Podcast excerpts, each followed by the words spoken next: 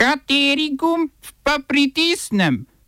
Tisti, na katerem piše OF. Sodišče v ZDA ukazalo zaprtje zelo glasnega naftovoda Dakota Access. Predsednica Evropske komisije Ursula von der Leyen zaradi nastopa v podporo stranki HDZ prijavljena komisiji in ombudsmanki. Odbor državnega zbora za delo potrdil četrti koronski zakon.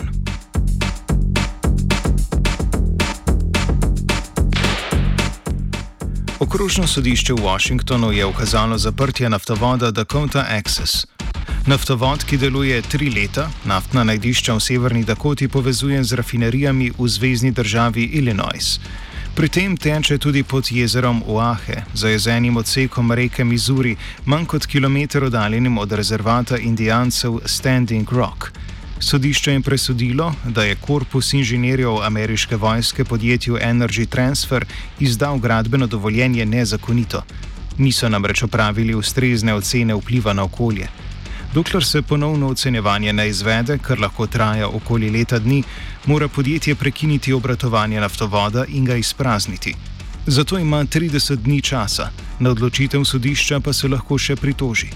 Organizacije za ohranitev okolja in lokalni indijanci so tako v boju proti naftovodu v bližini pitnega vira vode dosegli začasno zmago. V treh letih obratovanja se je zgodil en izliv nafte, ko se je zaradi razpoke na ventilu razlilo okrog 180 litrov.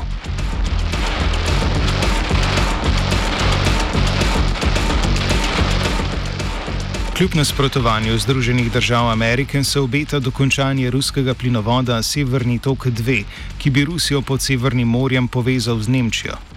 Danska energetska agencija je dala Severnemu toku dve dovoljenje za polaganje cevi z ladjami, ki se morajo sidrati.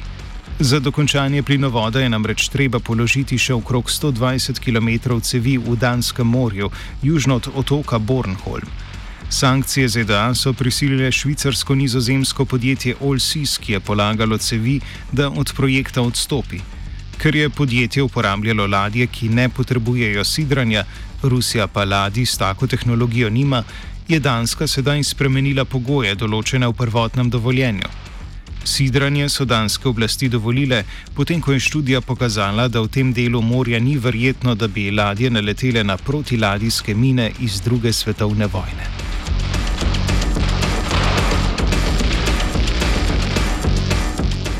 V Rusiji so zaradi suma vohunjenja za državo članico Zveze NATO aretirali svetovalca generalnega direktorja Ruske vesoljske agencije Roskosmos Ivana Safronova. Obveščevalna služba FSB trdi, da je Safronov izvajal naloge za eno od NATO-vih obveščevalnih služb, zbiral tajne podatke o ruskem vojaškem in tehničnem sodelovanju, obrambi in varnosti ter jih posredoval predstavniku obveščevalne službe.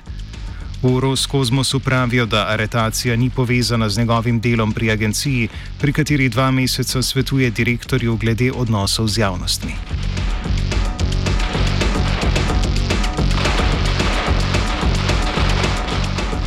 Italijanska vlada je sprejela tako imenovani poenostavitveni dekret, katerega osrednji del je skrajšanje postopkov javnih naročil. Do konca julija naslednjega leta za investicije v vrednosti do 5,3 milijona evrov tako ne bo potreben celoten postopek javnega razpisa. Investitorji bodo izvajalce lahko naročili neposredno. Obširen dekret predvideva tudi močno pospeševanje postopkov javnih investicij. Za manjše zneske naj bi tako imeli investitorji le dva meseca časa za izpeljavo pravnih postopkov, za največje investicije pa pol leta.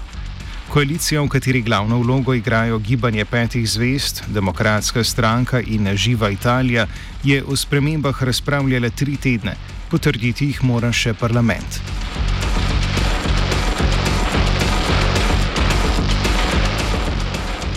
Hrvaška nevladna organizacija GONG je predsednica Evropske komisije Ursula von der Leyen prijavila komisiji in Evropski varuhinji človekovih pravic Emily O'Reilly zaradi morebitne kršitve kodeksa ravnanja s sodelovanjem v videu, ki je izražal predvolilno podporo hrvaški stranki HDZ. Ta je na volitvah tudi prepričljivo zmagala. Ursula von der Leyen z besedami Sigurna Hrvatska začne polminutni video, ki ga je HDZ na Twitterju objavil v petek. V njem med člani Evropske ljudske stranke nastopa tudi slovenski premijer Janez Janša. Sigurna Hrvatska. Sigurna Hrvatska. Sigurna Hrvatska.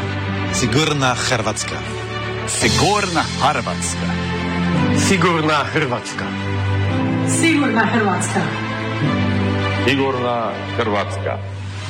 Varna Hrvaška. Sigurna Hrvatska. Sigurna Hrvatska. Sigurna Hrvatska.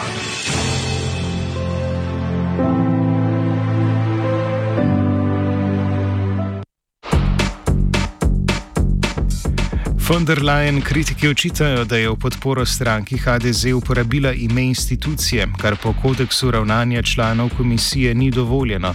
Tretji odstavek 9. člena kodeksa določa, da se morajo člani komisije vzdržati vseh javnih izjav ali nastopov v imenu strank ali organizacij socialnih partnerjev, katerih člani so, razen če kandidirajo na volitvah ali sodelujejo v volilnih kampanjah a to ne posega v njihovo pravico, da izrazijo svoje osebno mnenje.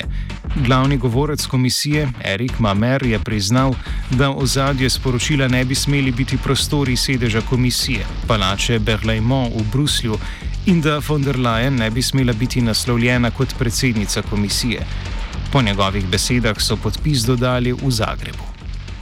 Oba, če bom odgovoril na angliški. Slovenija will try to help. Uh, we can. Slovenija will. Uh, and we will. Do our utmost. To say that the situation is. Our problem ourselves. And uh, we will. Uh, make further steps as soon as the conditions are. Bomo vlado Marjana Cererja, Marjana Cererja Šarca podprli. Very, very serious. News from Slovenia. We know how and we will.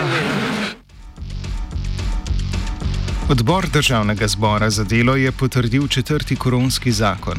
V njem je pravna podlaga za vzpostavitev in delovanje mobilne aplikacije, katere namen je obveščanje o stikih z okuženimi in osebami v karanteni.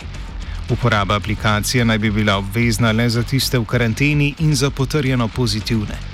Na odboru so črtali sporna določila, ki so predvidevala obdelavo osebnih podatkov okuženih in oseb v karanteni, predvsem lokacijskih podatkov.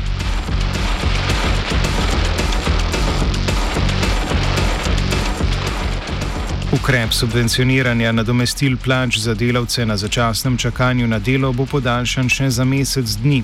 Zakon omogoča tudi nadaljne podaljševanje ukrepa, najdlje do konca septembra. Do konca septembra naj bi vlada prevzela breme nadomestil plač za delavce v karanteni, če ne morejo opravljati dela od doma. V proračunu naj bi vlada zagotovila tudi dodatnih 31 milijonov evrov za financiranje dodatnih kadrov v socialno-varstvenih zavodih. Študentje pa bodo bone za prehrano letos lahko koristili tudi v drugi polovici julija.